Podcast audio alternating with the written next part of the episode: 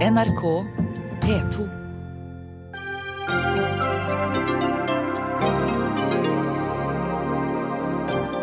Det er blitt flere fattige barn i Norge. Hvorfor klarer ikke politikerne å få dem ut av fattigdommen? Film om Børre Knutsen fremkaller gufs fra fortiden, forteller jordmoren som fikk ufrivillig nærkontakt med abortmotstanderen.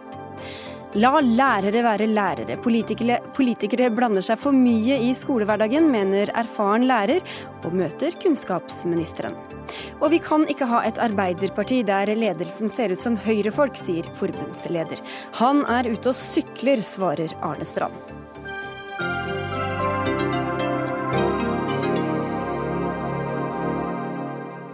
Dette er Dagsnytt 18 på NRK P2 og NRK2. Jeg heter Sigrid Solund.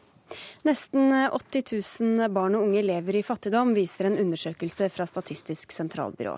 Det er særlig blant innvandrerbarn at tallet har økt. Og før vi spør hva vi kan gjøre med det, skal vi høre mer om hvordan disse familiene lever. Åsne Havneli, du er generalsekretær i Norges Røde Kors, og dere har flere tilbud til fattige barn og familier. Hvordan er hverdagen deres? Jo, vi i Røde Kors merker en økning eh, på alle våre aktiviteter for barn og unge. Det er en veldig sammensatt gruppe. Eh, som undersøkelsen viser, så er det mange med innvandrerbakgrunn, men det kan også være aleneforeldre, det kan være uføretrygdere. Det er veldig sammensatt. og det, det vi hører fra barna og opplever også fra foreldrene, er at disse barna ikke får delta i andre typer fritidsaktiviteter, andre ting som barn i Norge tar som en selvfølge. Og det kan igjen føre til at de eh, faller utenfor. Eh, de kan få utfordringer med skole. Det kan bli en ond sirkel, da. Og det som er trist, er at eh, vi ser at ofte så går dette i arv. Og derfor er det så utrolig viktig at vi i fellesskap, myndighetene, frivillige organisasjoner, jobber forebyggende. For ikke bare barna, men hele familien. Sånn at vi kan få det Det skal være bra å vokse opp i Norge. Alle barn skal ha det bra. Hva er det da som kan gjøres både for å bringe familier og barn ut av fattigdom, og, og forhindre at de kommer inn i den? Det er klart, Økonomiske støtteordninger er myndighetenes ansvar, eh, så det må politikerne håndtere og si noe om. Men eh, vi mener at det er kjempeviktig å ha lavterskeltilbud, fritidsaktiviteter for barn, sånn at de kan ta del i sosial omgang med andre barn. Det er viktig for foreldrene at eh, eksempelvis at de mm, får norsktrening. Det kan vi gjøre i samspill offentlige myndigheter. Røde Kors gjør det også i mange tilfeller. Det å hjelpe de og eh, trene de så de kommer seg tilbake til arbeidslivet, eller kommer ut i arbeidslivet. Vi har aktiviteter der de lærer å skrive CV, hvordan de gjør intervju. Og så er det en rekke fritidsaktiviteter, ferietilbud, hjelpe med leksehjelp osv. som vi ser at det er mange barn som ønsker å være med på. Hva tror du er det viktigste da, å ta tak i? Hvor er det barna merker det selv best? At, eh, at de er i familier eller har en eh, aleneforsørger som ikke har penger? Jeg tror det er kjempeviktig at de eh, får lov å delta i aktiviteter sammen med andre barn. Det er mange av disse barna som ikke har råd til å gå i en bursdag engang, fordi at det å kjøpe en bursdagsgave blir for dyrt. Så nettopp å ha lavterskeltilbud som er gratis, eh, sånn at de får ta del som andre barn, det tror jeg er kjempeviktig. Audun Lysbakken, SV-leder. Dere gikk til valg på å bekjempe fattigdom i sin tid. Det har dere jo ikke klart. Hvorfor ikke? Disse tallene viser jo veldig tydelig at Eh, norske politikere ikke har lykkes med det. Og Hver gang det kommer nye sånne tall, så blir det et spill om hvem som har skylden, og partier peker på hverandre, og en kommer aldri i gang med den ærlige debatten om det alle egentlig vet eh, må til. Da tar vi den. Når den rød-grønne regjeringen ikke lyktes med det, så var det fordi det aldri var flertall eller vilje for eh, å gjøre det som må gjøres hvis disse tallene skal ned, og det er å øke ytelsene til de fattigste familiene. Hver gang vi diskuterer fattigdom, så diskuterer vi behovet for å få foreldrene i arbeid arbeid. Vi diskuterer viktige tiltak for å hindre at dagens fattige barn blir morgendagens eh, fattige voksne, som barnehage, barnevern, leksehjelp. Vår regjering gjorde veldig mye på den siden. Men hvis vi på kort sikt vil uh, ha uh, fattigdommen ned, da må vi gjøre noe som er mye mer kontroversielt. og Det er å tørre å øke sosialhjelpen, og tørre å f.eks. gi uh, familier med mange barn økt barnetrygd, øke støtten til aleneforsørgere. Det ville redusere fattigdommen for disse familiene her og nå. Men det har de store partiene i norsk politikk, uavhengig av hvem som sittet i regjering, ikke vært villige til å gjøre. og Derfor er vi der vi er. Da må jeg spørre deg, da, Maria Hoff du er statssekretær i Barne-, likestillings- og inkluderingsdepartementet. Hva syns du om denne løsningen på kort sikt? Det er jo hyggelig at uh, Lysbakken nå har sett lyset. Etter uh, åtte år i regjering så ble det altså 10 000 flere fattige barn i Norge. Det betyr jo ikke at, uh, at vi ikke skal ta imot konstruktive innspill som Lysbakken kommer med nå.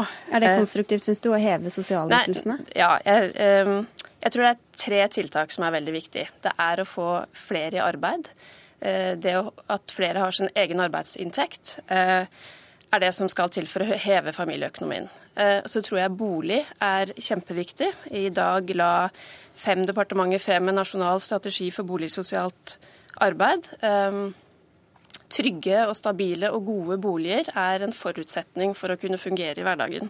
Og så må vi ha eh, noen tiltak for de som kjenner og lever i fattigdom i dag, som kjenner det på kroppen. Eh, men, men, dette med ingen av de tiltakene involverer vel det som var forslaget fra Lysbakken, nemlig å øke ytelsene. For det er det da et dilemma om det strider mot en arbeids, altså få flere ut i arbeid, ja, som du er opptatt av? Jeg tror vi har uh, ganske gode trygde- og sosialytelser for de fleste som står utenfor arbeidslivet i dag.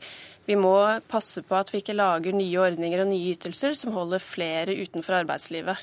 Eh, vi tror at flere må inn i arbeid for å heve flere ut av fattigdom.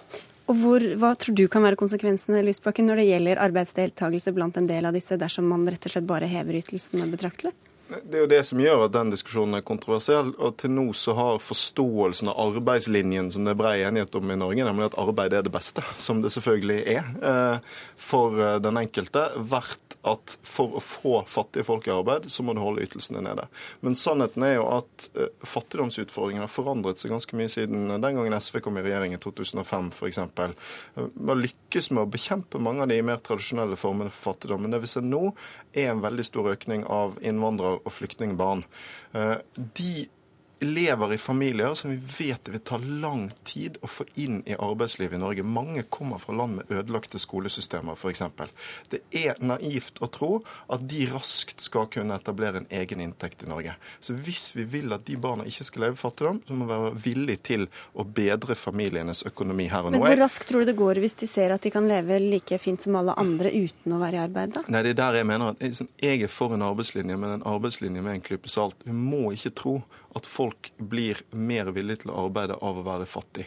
Effekten av fattigdom er demoralisering, det er eh, manglende tro på seg sjøl, det er apati. Fattigdom er destruktivt. Jeg tror ingenting på at om vi hadde gitt en håndsrekning til noen av de fattigste i vårt samfunn, så fører det til eh, eh at flere spekulerer i det. Eh, jeg tror at effekten heller vil være at flere over tid kommer inn i samfunnet vårt og kan delta i det. Vi ser jo at eh, flyktninger og asylsøkere, nyankomne flyktninger og asylsøkere er overrepresentert i statistikken. Derfor er det jo så viktig å få de raskest mulig bosatt ut i en kommune og mulighet til å kunne starte et nytt liv. Da er arbeid helt avgjørende, også for å kunne komme inn i det nye samfunnet du skal leve i. Du har i dag rett og plikt til to års introduksjonsordning, og vi må i mye større grad arbeidsrette denne introduksjonsordningen, og vi må ha fokus på språkopplæring. Men tror du at høyere ytelser vil gi lavere arbeidsdeltakelse i denne gruppa, eller for noen i denne gruppa? Jeg, jeg må bare gjenta at jeg, jeg, har mye større tro på å ha et arbeidsfokus, hvor vi får stadig flere ut Betyr i arbeidslivet. Betyr det ja, at du tror det blir færre som går ut i arbeid dersom man hever ytelsene? Om jeg, unnskyld? Tror du at færre vil være motivert eller vil gå ut i arbeid dersom ytelsene blir høyere? jeg tror at det må lønne seg å jobbe for at vi skal få flere i, i arbeid. Ja, Lysbakken skal få svare først. så skal du få slippe til. Dette er, jeg, er, jeg er for alle tiltakene statssekretæren nevner. Eh, og jeg tror aldri det kommer til å bli gjort så mye når det gjelder arbeid, når det gjelder bolig, når det gjelder språk, som ble gjort under den rød-grønne regjeringen. Men likevel er vi der vi er i dag. Vi økte bostøtten. Vi økte retten og plikten til norskopplæring. Vi satte igjen en rekke tiltak for å få flere i arbeid. Men det, den diskusjonen vi har nå Men dere fikk ikke Arbeiderpartiet med på å heve ytelsene? Den diskusjonen jeg har med Høyre nå, har jeg tidligere hatt med Arbeiderpartiet veldig mange ganger. Men hvor god løsning er det på lang sikt, da, dersom man gir ytelser på, som ikke motiverer til å at, få folk ut i arbeid? Poenget er at det er ingen motsetning mellom å gi noe mer til stønad i livsopphold for folk i en situasjon preget av fattigdom, og det å satse på arbeid, likestilling og språk. Jeg brenner for det. Ingen tror jeg har gjort så mye som den regjeringen vi satt i for å få det til, men det alene løser ikke dette problemet. og Det må flere partier være ærlige nok til å si. Hvis svaret er det Høyre gir nå, så kommer ikke disse fattigdomstallene til å gå ned neste gang det blir lagt frem tall. Du vil ha en kommentar på slutten her, ja, Jeg har lyst til å si også at jeg tror hver enkelt kommune kan sette seg ned og se hvordan skal det være å vokse opp for barn i denne kommunen? Hva kan de offentlige gjøre? Hva kan frivilligheten gjøre? Og koordinere seg enda bedre. Og så er frivilligheten også en fin arena der de som bruker tid på å komme ut i arbeidslivet igjen, kan få et, eh, et, nettverk og være sammen med andre og trene seg, sånn at det kan være en vei inn i arbeidslivet igjen. Mm. Du skal få avslutte her, Hoffanes. Tror du at tallene ser annerledes ut om et år eller to, når dere har fått vi, må, vi jobber, Jeg kan love at vi skal jobbe hver dag for at tallene skal se bedre ut om et år. Takk skal dere ha for eh, i denne omgang eh, Maria Hoff Anes fra Barne-, likestillings- og inkluderingsdepartementet, SVs eh, Audun Lysbakken og Åsne Hamnelid fra Norges Røde Kors. Dagsnytt 18 alle hverdager klokka 18.00 på NRK P2 og NRK2.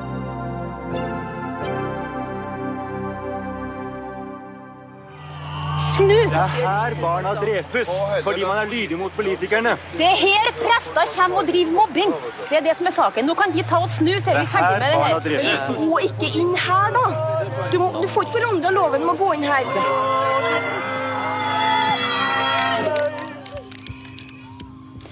Dette er eh, fra en film om eh, en som gir mange assosiasjoner til demonstrasjonstog mot abort, prestekappe, blodige dukker og aksjoner mot norske sykehus. Nå er historien om Børre Knutsen festet til kinolerretet og har premiere i morgen. Vi skal straks snakke med regissøren, men Ragnhild Knutsen, du er kona til eh, Børre Knutsen. Og nå har du gjenopplevd sikkert mye av det som har vært gjennom årene. Hvordan har det vært å være kona til en så omstridt person? Det har vært ganske slitsomt i mange, mange år. Men vi, vi, er jo overbevist om at det er galt å ta liv. Det er derfor vi har stått i denne kampen sammen, selv om det har vært tungt. Hva har vært det vanskeligste for deg og for dere i familien mens mannen din var så aktiv eh, mot abort som det han var? Det er jo det at vi eh, følte oss forsømt og tilsidesatt mange ganger. For det, det, ble jo mange år. Vi trodde det skulle gå kort tid, denne kampen, men det ble jo mange år for vår familie å, ha det vanskelig. Særlig da for barna våre som ble, kom i tenårene og for så vidt eh, fikk et veldig urolig hjemmeliv. Og hvis de i det hele tatt hadde noe hjemmeliv. For vi hadde en mor som var eh, ganske deppa og, og hadde angst, og faren var eh, veldig mye på farten og kjempet i denne kampen. Så det ble et eh, vanskelig liv for hele familien. Og Samtidig så var det vel ikke å unngå å få med seg alle reaksjonene fra samfunnet for øvrig, som, for det var mange som mislikte metodene hans. Hva, hva syns du om måten han gikk fram på? Jeg tenkte så, for så vidt at eh, det måtte kraftig kraftig lut til for at folk skulle fatte og begripe at dette var en, en veldig stort an, alvor i vårt folk. Og, og, grunnen til, sånn som jeg ser det da med disse eh, virkemidlene, det var jo fordi at eh, de ble stående så alene, disse få som, som eh, skjønte alvoret. Det var jo mange som skjønte alvoret, men de, de bøyde av og kritiserte metoden istedenfor å, å står skulder til skulder. Så Derfor så ser jeg det sånn at disse metodene ble kraftig fordi at de andre bøyde av. Det er mitt, mitt syn på det. Men har du følt medfølelse også for dem som følte som ble lei seg og følte seg krenka av metodene? Følt, det har jeg følt hele tiden, og det har mannen min også følt. Og det er en av grunnene til at våre barn fikk det veldig vanskelig, fordi at han hele tiden prøvde å, å, gjøre noe for de som hadde det vanskelig, og forklare at det var ikke de han ville til livs, men det var selve den fæle loven. At de, de, de skulle tas av dage i mors liv. Og jeg kan jo si det sånn at uh, den sorgen som disse må ha, som, som lir, kanskje med at de og angrer på at de har gjort dette. Den samme sorgen er jeg helt eh, solidarisk med. for det, Sånn har det vært for, for meg med, med, vår familie. Det måtte jeg legge på mine barn at de måtte leve sånn pga. denne kampen. Mm, så... så jeg, forstår den, jeg forstår den sorgen og den eh, det, ja, kanskje sinne og frustrasjon og, og i det hele tatt det de opplever, det, det, kan jeg godt forstå, og det er jeg helt solidarisk med. Men Hvordan det, har det vært da å føle på det at dere var med på, eller han da, var med på å gjøre et eh, kanskje veldig vanskelig valg tyngre for dem eh, som fikk oppleve det? Det var ikke det som var meningen. Meningen var noe helt annet. Meningen var at en skulle fokusere på det livet som ble tatt. Det var jo et sårbart eh, liv som ble tatt av dage. Og Det var jo det som så, som vi prøvde å fokus, fokusere på, at dette her var forferdelig galt. Det er sånn vi har sett på det, og, det var det hele tiden som sto i fokus. Ikke, ikke noe at det skulle være vanskelig for kvinnene. For de kvinnene han har snakket med underveis, de, de har han jo hele tiden uh, gitt uttrykk for at det var ikke det som var meningen. Verken fordømmelse eller skade eller men, men, sånn blir det dessverre. Og sånn blir det for oss som familie. Sånn blir det for meg som kone, sånn blir det for våre barn. For dette er så revolusjonerende galt i et samfunn. Det ble jo fullstendig eh, kulturskifte med denne loven som kom inn, som alle syns, eller mange syns er så bra. Men jeg syns som kvinne at den ikke er bra. Vi sier tusen takk, Ragnhild Knutsen. Du skal få være med oss og høre på litt av hva de andre har å si her også. For vi har med også deg, regissør Fridtjof Kjæring. Det er du som har laget denne filmen, og du er på vei inn i kinosalen. Hvorfor ville du lage film om Børre Knutsen? Ja, sånn som jeg ser det, så er Børre Knutsen en av de største premissleverandørene til norsk offentlig moraldebatt siden krigen. Og jeg skal heller stille spørsmål tilbake. Det er veldig rart at de ikke laga et større prosjekt på Børre Knutsen før. Ja, jeg kan ikke svare på det, men uh, kan jo høre med deg da, da du, Nå har vi akkurat hørt fra kona hans. Hvordan ble ønsket ditt om å lage film mottatt av, av henne og av barna? Ja, Det var vanskelig. altså. Det var, du kan si, Børre Knutsen ble ganske tidlig eh, overtalt til å lage film. Han syntes kanskje det var litt merkelig at det kom eh, på hans gamle dager og, og banka på. Eh, det var verre for Ragnhild sin del. for klart at Hun føler vel at hun har hatt mer enn nok av media opp gjennom tida. Det, det forstår jeg jo for så vidt. Han har jo vært en utrolig omstridt person. Hva har gjort mest inntrykk på deg mens du har holdt på å lage denne filmen? Ja, altså, underveis så har, jo, så har, jeg jo sett at han er jo egentlig en veldig lyttende og ydmyk person. Altså, vi har jo snakka om alt fra Nietzsche til, til teologi. Eh, når det er sagt, så har han jo eh, en tro som gjør at han må utrette noe eh, for noe som er større enn han sjøl. Og det er vel kanskje det spørsmålet som Eller de, tingene som kanskje ikke alle i dagens sekulære samfunn kjenner igjen. Alf Kjetil Valgemo, du er kulturredaktør i Vårt Land, og du har sett denne filmen og sammenligner Børre Knutsen med Ibsens 'Brand'. Denne kompromissløse, prinsippfaste presten. Hva er likhetene der? Nei, Det er ganske åpenbare likheter. Altså En som da står så opp for sitt kall at eh, alle konsekvenser av det blir underordna. Nå det har det jo vært sterkt nå å høre Ragnhild Knutsen fortelle eh, om, om de konsekvensene det fikk for, for deres familie eh, og for deres barn. Sånn var det jo også med Ibsens brann, at kallet gikk foran hensynet til familien. Mm. Hva syns du er det mest interessante i filmen? Nei, Det interessante er vel kanskje den eh, blandinga av det å komme nærmere inn på mennesket Børre Knutsen, samtidig som han fortsatt har provokasjonskraft. Eh, når han sier f.eks. det om at han, når han dør, så kan han godt bli kasta i en søppelsekk og slengt foran eh, Stortinget, eh, naken i en søppelsekk. Så han har fortsatt denne provokasjonskraften som han har hatt hele veien. Samtidig så vi, får vi nå et mye bedre innblikk i i mennesket Børre Knutsen også. Og som vi hørte, så har det jo vært vanskelig for eh, familien hans, og sikkert for, for ham selv også, ettersom hva kona hans sier, men også sikkert for mange av de kvinnene som eh, fikk oppleve ham. Eli Aaby, du, du, er jordmor og jobbet som sykepleier på Aker sykehus, og var aktiv i kvinnefronten eh, under denne abortkampen. Hvordan opplevde du ham og hans metoder? Veldig provoserende. Og det var jo Børre Knutsen og Ludvig Nessa Det var dem som begynte polariserte debatten og trakk inn ekstreme metoder. Um, Fortell litt og, om de metodene, hvordan de ble opplevd på sykehuset. Så Jeg var på jobb på GIN behandlingsrom, som det heter på Aker, der hvor abortene ble utført. Jeg jobba der som sykepleier. Uh, og de trengte seg inn nesten helt inn på operasjonsstua. Uh, og sang salmer og hadde med seg dokker. Og, og vi måtte jo Noen av personalet sto der og stengte døra inn til operasjonsstua, og andre hjalp jo, altså prøvde å skjerme kvinnene. Og så måtte vi ringe etter politiet, og politiet måtte komme og bære dem ut. Det var fryktelig provoserende. Det opplevdes krenkende å være vitne til det. Eh, og det er Jeg tenker at enda så har den veldig voldsomme polariseringa av debatten og den det ønsket deres, eller de midlene deres, som påfører skyld og skam, har gjort at vi enda når vi snakker om abort, så, så snakk, får vi litt sånn demper vi stemmen, og, og, det er liksom innforstått at det er vanskelig, akkurat som Ragnhild Knutsen sier. At det, det, må jo være vanskelig. Det er ikke vanskelig å ta abort.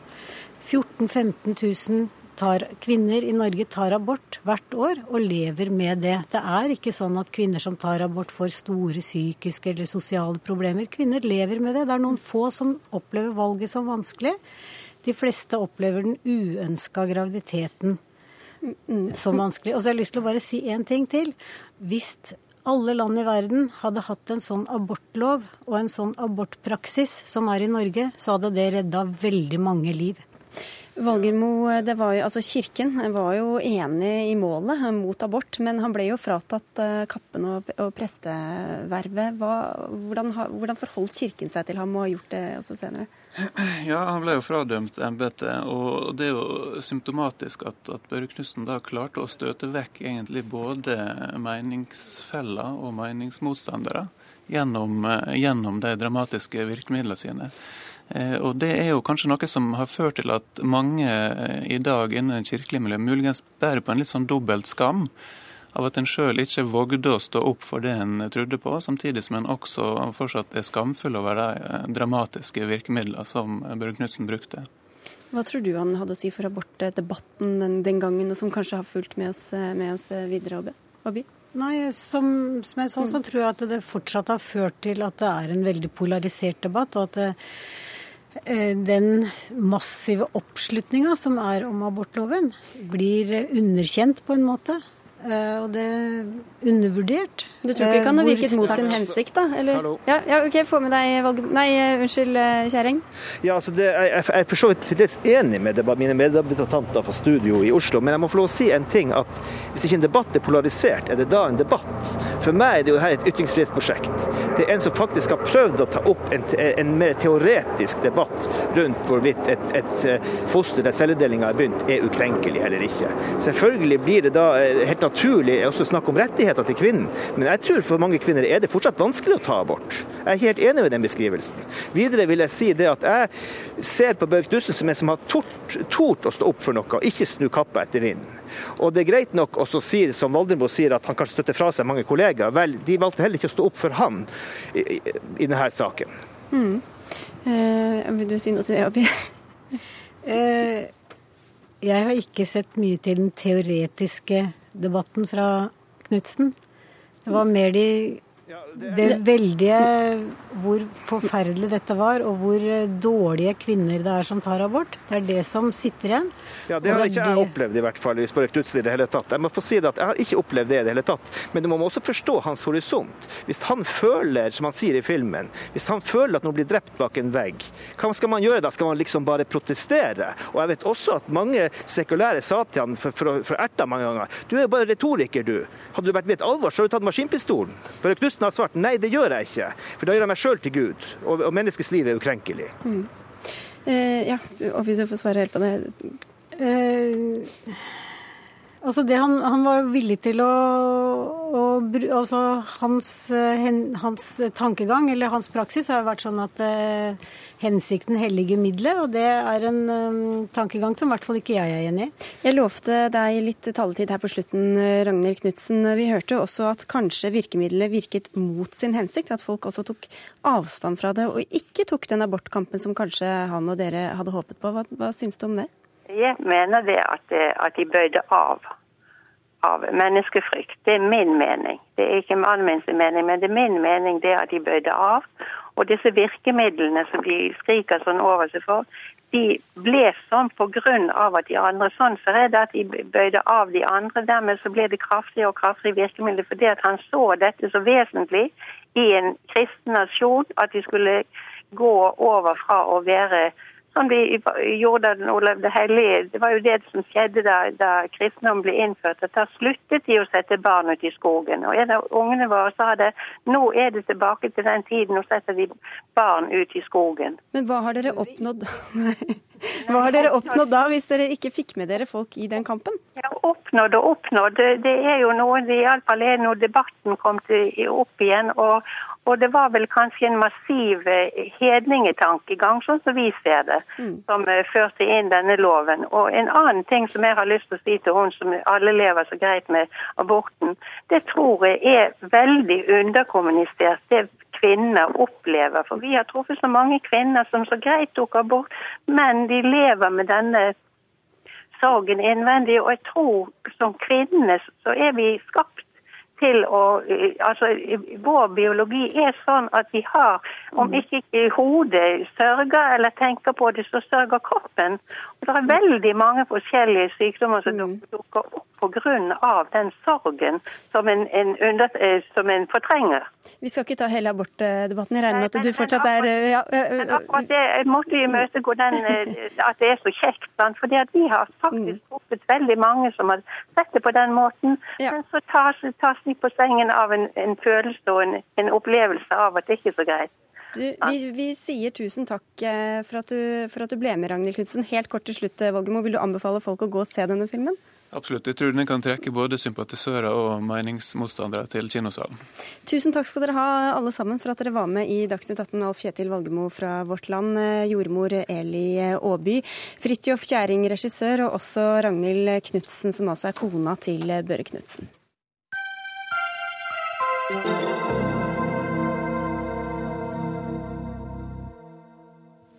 Hva er den beste bruken av eh, lisenspengene? Neste år legger kulturministeren fram en stortingsmelding om NRK, og du er en av dem som er bekymra for hva som kan komme der, eh, Bård Vegar Solhjell i SV. Hva frykter du kan skje med NRK i framtida?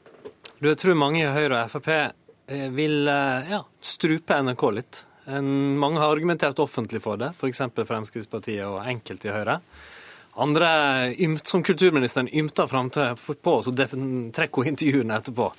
Og det, det, de argumenterer for da, det er jo at liksom andre TV-kanaler og medier skal få ha hovedretten, på en måte, og så skal NRK være en slags restemiddag. Ja, for Nå snakker du om de store sportsarrangementene, som er noe av det som koster mer og mer penger, OL og VM og, Blant annet, Vi snakker om det, men vi snakker òg om nye typer tjenester som yr.no. Og på begge deler så har noen argumentert for at de kommersielle må få ta det store og breie som de kan gjøre, og så skal NRK på en måte være for det smale og sære, det ingen andre vil gjøre.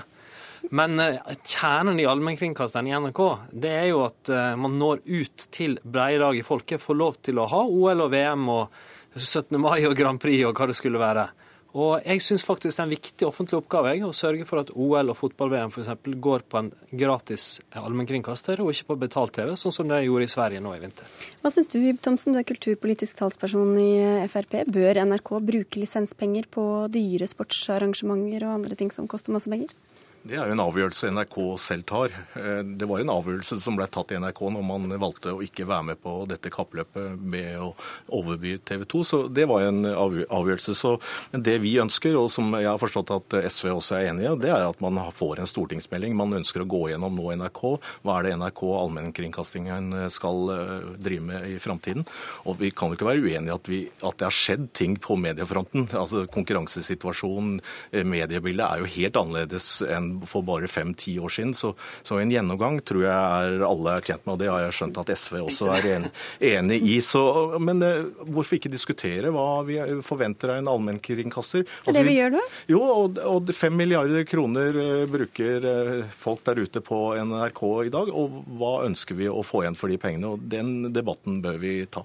Hvor bør grensene gå Solhjell, for hva NRK skal drive med eller ikke? Man må fornye seg. altså NRK har holdt på i 60 år. Jeg er veldig for fornyelse, og jeg er for en sånn stortingsmelding. Men det, liksom, det å bevege seg ganske langt på et halvår. For det er jo, i programmet til Frp er imot lisensen, og for et halvt år siden sa det det her kan bli det siste året med sånt. Nå kan vi få det ut på børs og, og ja, reklame. Ikke bare kan, men dere lovte at det dette lovte skulle det være det siste året med, med holdt på å si Frp-lisens, ja. med NRK-lisens. Er det et løfte dere vil holde? At SV nå er skuffa på vegne av eh, Norges befolkning at ikke vi har fjernet NRK-lisensen. Men Vil dere holde det løftet? Nei, altså Det står jo ikke i den politiske plattformen som vi har sammen med Høyre, og det kjenner jo sikkert eh, SV til også, at man må gi og ta litt her. og Det vi har eh, sagt, er at vi ønsker å få en gjennomgang av NRK. Hva er det NRK skal drive på, og hva er de gode på å satse videre på. det. Men Hvis du forskutterer litt, da, Hva syns du at NRK skal konsentrere seg om, og hva skal de ligge unna?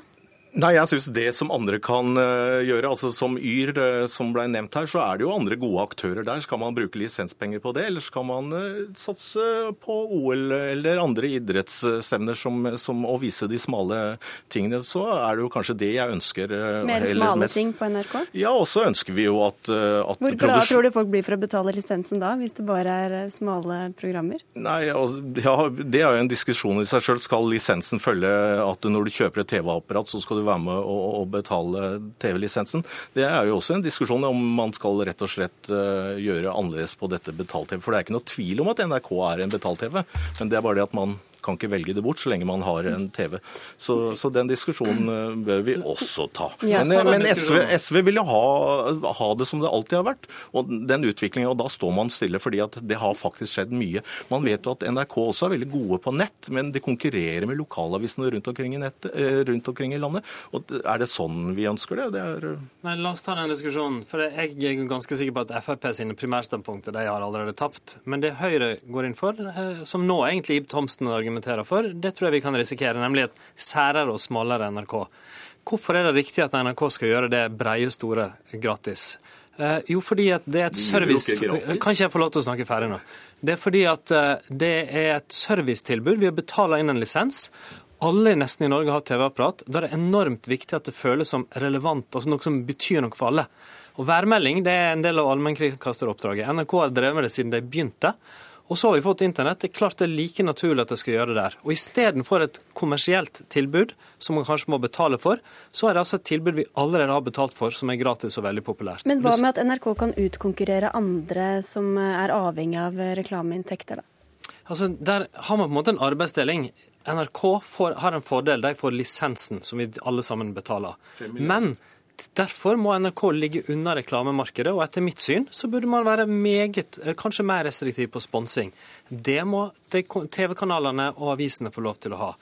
Og så må NRK akseptere en ting til, fordi de har den fordelen. Og det er at de får krav stilt til seg. Dere er nødt til å ha barne-TV, nynorsk andel, samiske sendinger. Jeg syns det er rimelig at dere må akseptere krav til det dere gjør på internett. Men å nekte NRK å drive med værmelding og si at nei, dere får ikke lov til å drive med nettdebatt og sånne ting, det er bare dumt.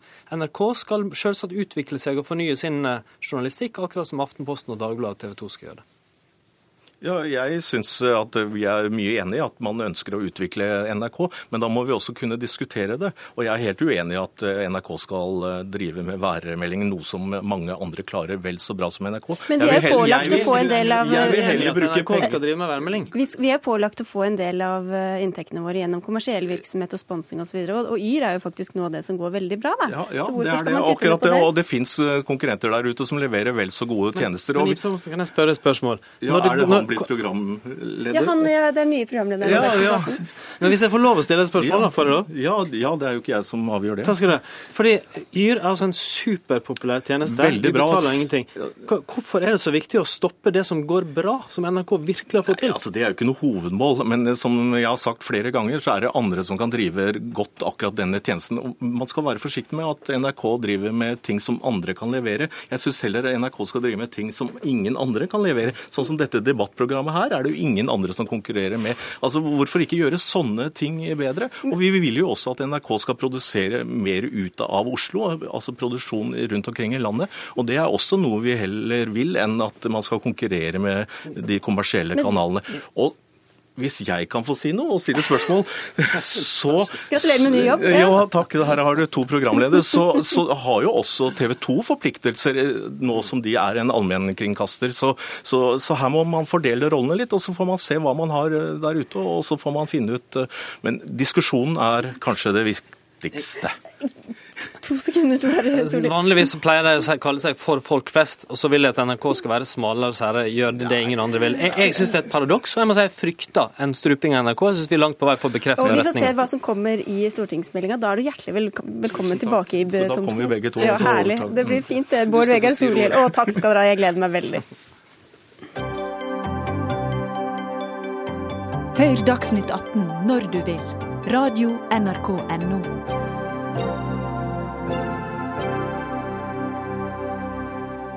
Og snart her i Dagsnytt 18 spør vi hvordan en ekte arbeiderpartileder bør se ut, og om Jonas Gahr Støre ikke ligner.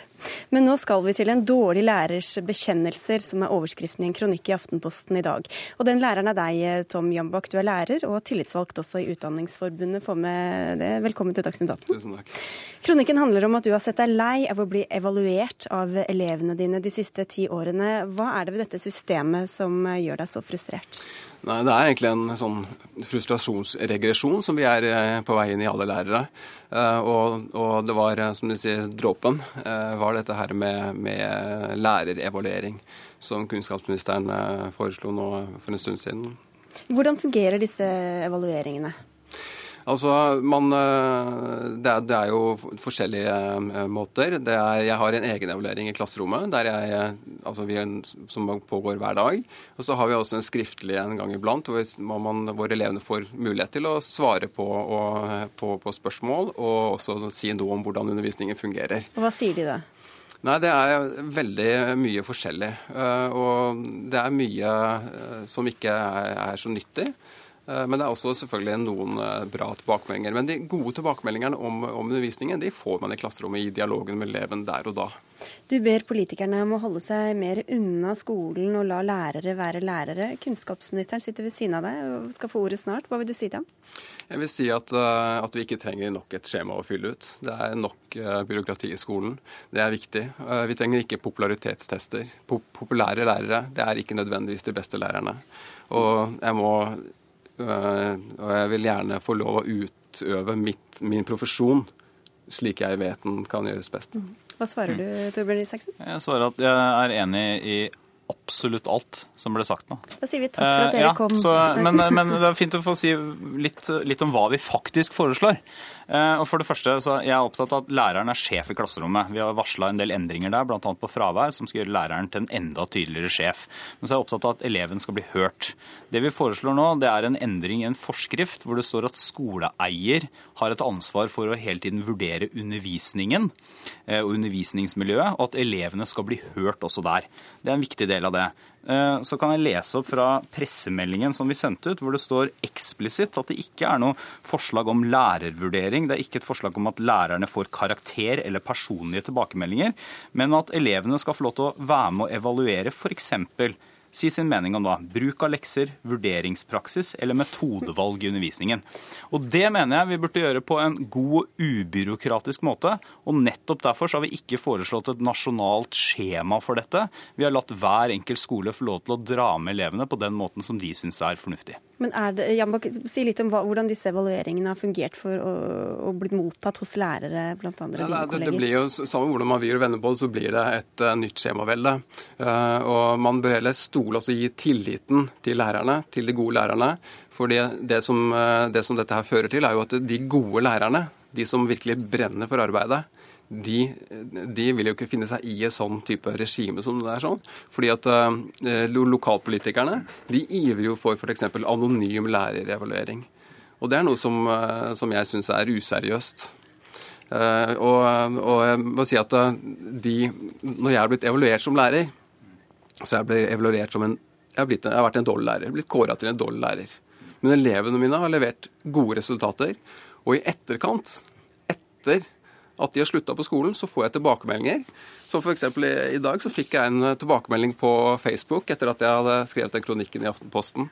Og Der eh, sier elevene at, at eh, tankene og erfaringen stemmer helt overens med hvordan jeg og vi som hadde deg i norsk, eh, hadde det på, på, videregående skole. Det var meget irriterende å få en norsklærer i andre klasse som satte krav til kontinuerlig og disiplinert arbeidsinnsats. Men dette, Hva gjør skoleledelsen med disse evalueringene? som eh, Skoleledelsen leser evalueringen, og så går skoleledelsen til læreren og sier at du er ikke god nok for elevene du må rette på ditt arbeid sånn at elevene liker arbeidet ditt. Men, men da synes jeg det høres ut som skolene, Hvis skoleledelsen sier at du får veldig gode resultater, men du må gjøre noe sånn at elevene skal like deg bedre, så mener jeg skoleledelsen gjør noe veldig alvorlig feil.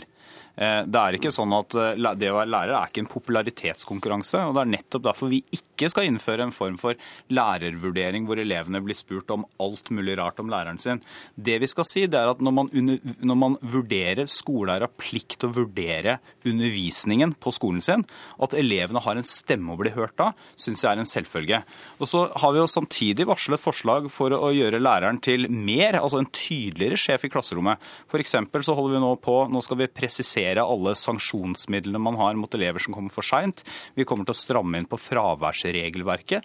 Alle de tingene er et bidrag til tydeligere lærere med klare og sterke sanksjonsmidler Men hva også. Er gevinsten i disse evalueringene av at, eh, som eksempelet nevnt i Aftenposten, da, du, jeg syns du er teit på håret, eller Nei, er, eh, at undervisningen er kjedelig, eller uh, uh, Altså Gevinsten i å få vite at man er stygg på håret, er jo lik null. Altså Der er det absolutt ingen gevinst. Men det at en skole systematisk, når de går gjennom leksetrykk, når de går gjennom metodevalg, at de da systematisk drar med elevene, og at elevene blir hørt, det mener jeg er en selvfølge. Men dette tar tid to... og, og, og, energi også? Ja, fra... jo, men det gjør det selvfølgelig. Men jeg syns utgangspunktet, som i den veldig gode kronikken som sto i dag, så står det jo i første setning at det er en selvfølge at elevene er med og evaluerer. Alle gode lærere ønsker tilbakemelding fra elevene. Det er helt enig, og det er akkurat det vi nå setter inn i forskriften. Så kunne vi jo gjort det på den måten at vi laget et sentralt sentralt skjema som var produsert i Utdanningsdirektoratet, som alle skoler var pålagt å bruke. Det har vi ikke tenkt å gjøre. Vi har tenkt å la skolene, hvor da fornuftige skoleeiere, lærere og elever kan sette seg ned og finne ut hvordan skal elevene bli hørt på en fornuftig måte på vår skole, desentralisert. Ja, men Istedenfor å vise tillit altså Lærerne trenger tillit nå. Altså Hvis de gir litt tillit til lærere, så bare forsvinner det rett inn i oss. Så hadde du gitt den tilliten Men Han sier jo det er det han gjør. Er du sikker på at det er han du skal peke på, ikke f.eks. skoleledelsen ved din eh, skole? Jo da, men, men, skoleledelsen gjør som politikerne sier, og det er noe av problemet. At politikerne bestemmer hva som er en god skole. F.eks. så bestemmer de at, at eh, sånn som i Rogaland f.eks., så har, de, har, de best, har politikerne bestemt at her skal det være anonym lærerevaluering. Og, og, og det blir problematisk. for når jeg er en god lærer, når jeg virkelig blomstrer som lærer, det er når jeg får uh, forberedt undervisning, undervist og evaluert den undervisningen kontinuerlig. Da blomstrer jeg som lærer, og da blomstrer elevene mine. Da kommer vi inn i flow.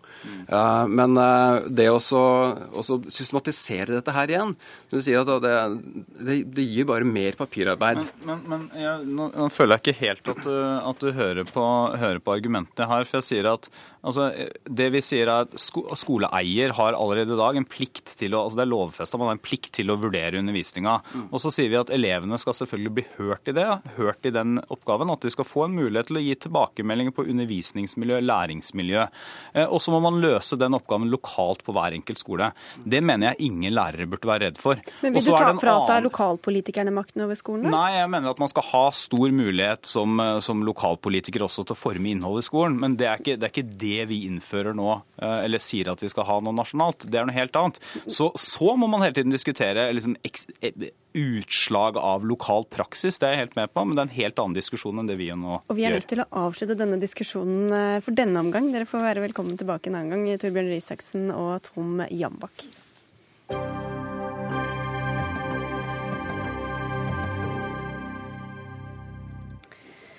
Ettersom Jens Stoltenberg ser ut til å bli ny Nato-sjef, er spekulasjonene om Arbeiderpartiets nye ledelse i gang for lengst. Og de aller fleste peker på Jonas Gahr Støre som ny partileder, til tross for at han ikke har arbeiderklassebakgrunn. Leif Sande, forbundsleder i LO-forbundet Industri Energi. Du har sagt at du ikke vil ha et arbeiderparti der ledelsen ser ut som høyrefolk. Hva mener du med det? Jeg har sagt at vi må ikke få et arbeiderparti der ledelsen ser ut som høyrefolk. Og Det jeg tenker på, det er egentlig at Arbeiderpartiet må òg ha en appell til den verdiskapende delen av samfunnet.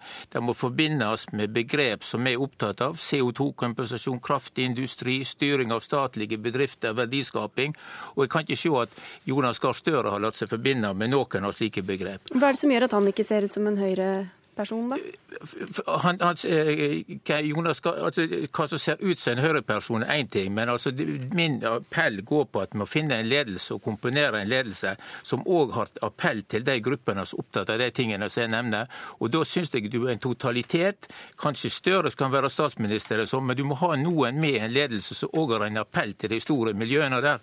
Og i, 80, i 2005 under valgkampen der så var det jo ett begrep som gikk igjen, og det var fagbevegelsen, fagbevegelsen, fagbevegelsen. Og vi må ha folk som appellerer den retningen i en arbeiderpartiledelse. Arne Strand, kommentator i Dagsavisen, hva syns du om dette utspillet fra Sande? Jeg syns det er helt på siden. Det er jo ingenting i det Støre har sagt og gjort og vært med på nå, som statsråd hos Stoltenberg hele tiden, som tilsier at han har et annet syn på industri og energi enn det statsministeren har og regjeringen hadde. Tvert imot. Han, har, han står midt i Arbeiderpartiet, på Arbeiderpartiets program. Han har ikke, hatt, har ikke vært industriminister. Men du trenger jo ikke være industriminister i Norge for å bli leder i Arbeiderpartiet. Da hadde jo ikke Einar Gerhardsen vært statsminister. Da hadde ikke Bratteli vært statsminister. Hadde ikke Oddvar Nordli vært statsminister. Gro hadde ikke vært statsminister. Jens Stoltenberg hadde heller ikke vært statsminister. Nei, dette er en skivebom som jeg egentlig ikke skjønner hvorfor LO-forbundet Industri og Energi kommer med nå. Det er bare å forstyrre prosessen. Mot valg av ny leder. Det er Trond Giske du heier på, Leif Sande? Stoltenberg har vært næringsminister, industriminister, olje- og energiminister, han har vært finansminister. Han hadde sterk appell til industrien og til fagbevegelsen gjennom 20 år før han ble statsminister. Og jeg mener at den ledelsen som Arbeiderpartiet må, skal velge, må ha en eller annen innhold som har en appell til de gruppene. Altså at de kan få meninger om det en gang i framtiden, ja vel, men jeg har ikke ett hørt ett ord jeg sikkert kan huske der disse står fram som de som vi snakker om, appellerer til, til, de verdiene jeg er opptatt av. Vi må ha folk som kan appellere til de store verdiskapningsmiljøene, vise at de kan få gjort noe med industripolitikk, og det har Giske vist, i motsetning til veldig mange andre. Nå er altså Jonas Gahr Støre Arbeiderpartiets finanspolitiske hovedtalsmann i Stortinget for tiden. Og det er altså grenser for hva du kan rekke over når du i mange år har vært utenriksminister og senere eh, helse, helseminister. Han er eh, den person som står sterkest i Arbeiderpartiet i dag. Han har bred tillit nesten overalt. Men det er jo riktig, det. Han har altså ikke engasjert seg mest på de områdene som LO er opptatt av. Tvert om, han har lent seg litt til venstre i f.eks. klimaspørsmålene. Jonas Gahr Støre gikk ut veldig tidlig og advarte mot denne, dette hastverket med å åpne Lofoten og Vesterålen for oljeboring. Det har styrket Jonas Gahr Støres kandidatur som ny leder i Arbeiderpartiet. Men du kan ikke få en leder i Arbeiderpartiet i dag som skal snakke som en talsmann for LO-forbundet Industri og Energi. Den tiden er slutt. En leder i Arbeiderpartiet i dag må ha bred tillit i sitt parti, og han må ha bred tillit i befolkningen. Han må, eller hun, må være en person som folk tror kan styre landet som statsminister. Det er det aller mest viktige i en slik sak. Leif Sande, hvor viktig er det at det er en arbeiderbakgrunn, eller manglende sådan, for hvem du ønsker inn i ledelsen? For meg er det ikke viktig at du har arbeiderbakgrunn. Det er vel ingen av de som vi snakker om som har. Jeg bare mener at vi representerer et forbund. Vi har alt fra sivilingeniører til lærlinger som medlem, så det er ikke det jeg er opptatt av. Men vi må ha noen som kan appellere, en ledelse i Arbeiderpartiet som framstår som en, og disse miljøene som jeg er opptatt av, industri, verdiskapningsmiljø, vestlandskysten, kystene hele veien oppover.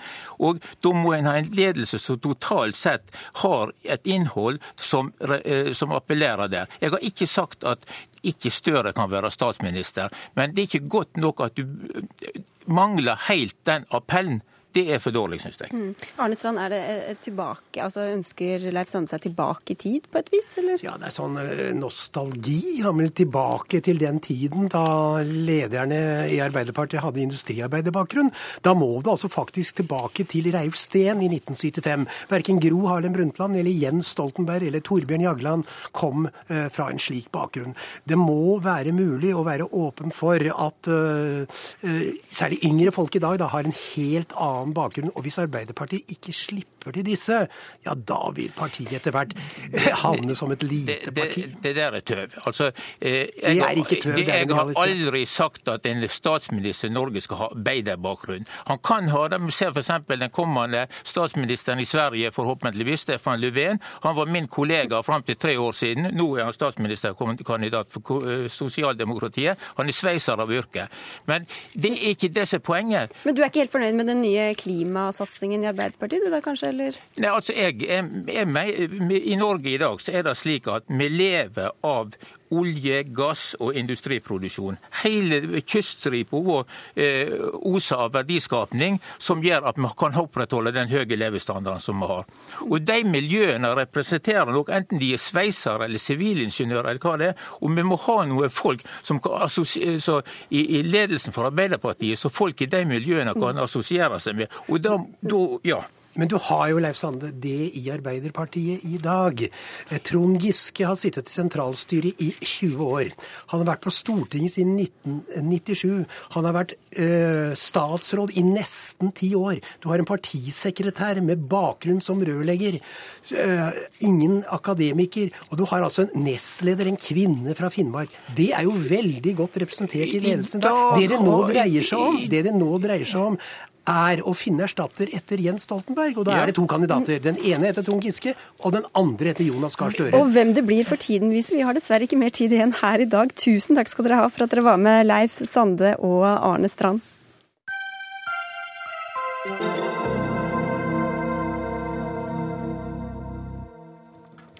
Noen debatter virvler opp mer engasjement og flere følelser enn andre, og reservasjonsdebatten har definitivt vært en av dem. Og i VG denne uka kunne vi lese at å stemple andre som abortmotstandere er blitt den nye hitlingen.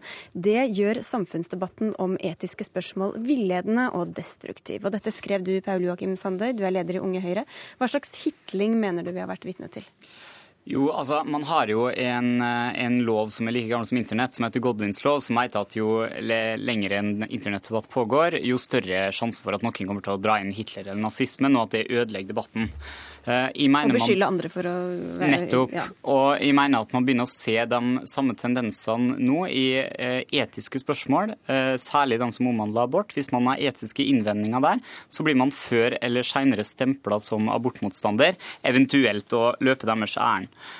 og Det er en del fellestrekk her. Altså For det første så handler det om å tilegne motstanderen eh, både eh, en løsning han ikke får, og en mening og en intensjon han ikke har.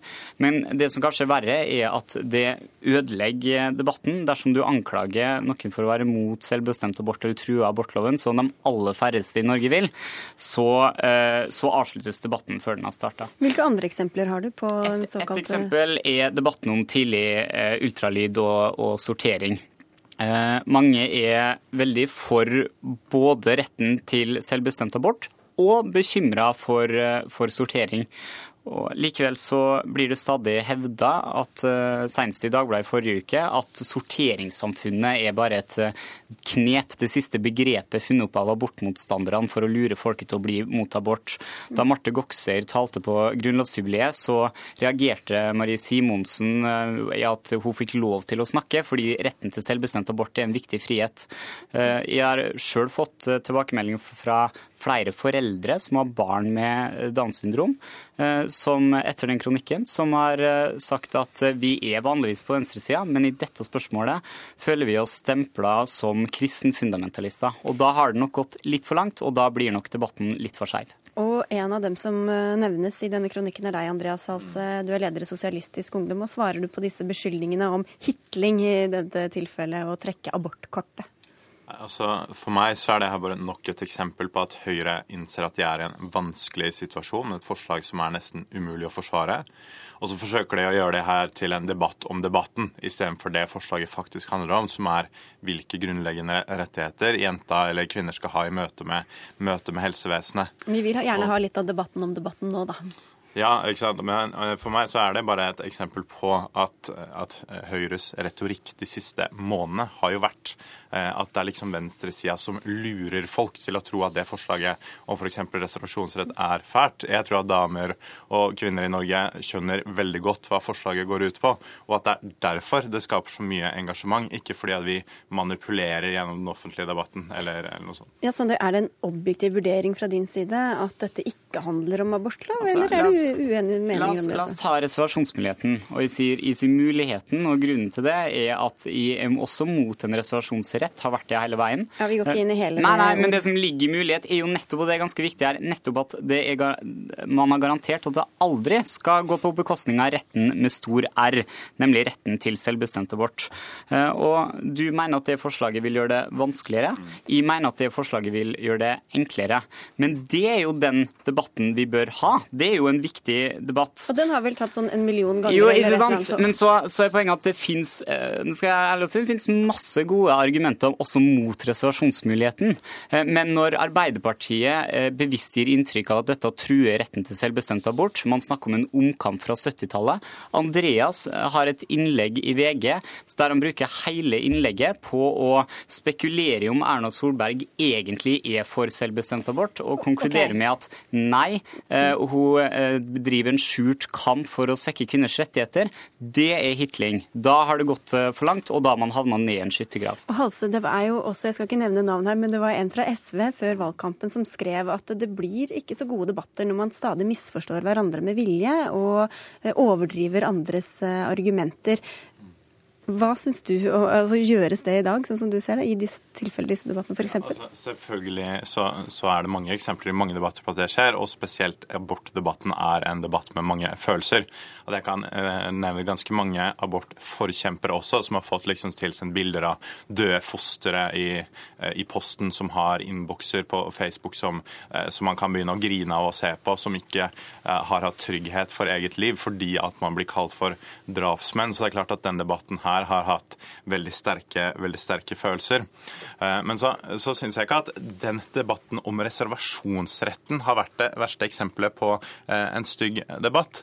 Men det som har blitt sagt, som bl.a. jeg også mener veldig sterkt, er at Høyre nå må ta ansvar for at de eh, tvinger gjennom et forslag som er kjempa fram, eh, funnet på og bejubles av motstandere av selvbestemt abort. Ja, det samme partiet som har inne et grunnlovsforslag mot abort. Det er klart at de tingene her henger sammen. Men Sander, Du var inne på det da jeg snakket med deg tidligere, at hvis vi ikke klarer å ta disse debattene, hva skjer da med alle debattene som kommer i etisk vanskelige farvann, ja. som f.eks. bioteknologi? Ja, og, og, bare for å si det først, altså Når det refereres til teknikker fra abortmotstandere her, så er jo jeg helt enig. Det er vår felles politiske motstander. Eh, og så er det riktig at dette er en debatt med mye følelser, men nettopp derfor mener jeg at vi har et ekstra ansvar for å være sannferdige. Og jeg, sier, jeg tror på Gerdli Valla når hun sier hun kjenner Arbeiderpartiet godt, når hun sier at her snakker man mot bedre vitende. Men så er det jo grunnen til at de er så opptatt av dette, er jo at eh, abortlovens 2C, eh, tidlig ultralyd, Eh, reservasjonsmuligheten, ja, det er krevende etiske debatter, men de vanskeligste debattene ligger jo foran oss. Eh, vi har en eh, fosterdiagnostikkteknologi som går eh, i abnorm utvikling, og om få år, få år kan vi antageligvis kartlegge DNA til foster lenge før grense til selvbestemt abort. Og Poenget er at da får vi virkelig teste oss, og disse utfordringene løser vi ikke med merkelapper eller å rope til hverandre fra hver vår skyttergrav. Altså, jeg, jeg, tror alle er enige om at vi skal ha en debatt med så god tone som mulig og tolke hverandre i beste mening. At det skal være mulig for alle å delta i den offentlige debatten, uansett hva man mener. Men problemet i denne debatten er at Høyre har et dårlig forslag de ikke klarer å begrunne, som går utover kvinners rettigheter i møte med helsevesenet. Og nå har det kommet inn innspill fra Twitter at du hitler debatten ved å dra opp hitlingkortet, Sande. Selvfølgelig, og da har man den eh, rullende. Men jeg syns vi skal skjerpe oss litt for å ikke få liksom samme klima. Sider, det mener jeg virkelig. og for å få et, ikke få et klima i etiske spørsmål som måtte minne om innvandringsdebatten i Sverige. Da har vi på en måte mista litt fotfeste. Tusen takk i hvert fall for at dere tok debatten om debatten om debatten eh, i denne omgang, Per Joakim Sande og Andreas Halse. Vi må avslutte dagens sending. Ansvarlig for innholdet i den eh, hadde var Dag Dørum. Teknisk ansvarlig Lisbeth Sellereite, og mitt navn er Sigrid Solund.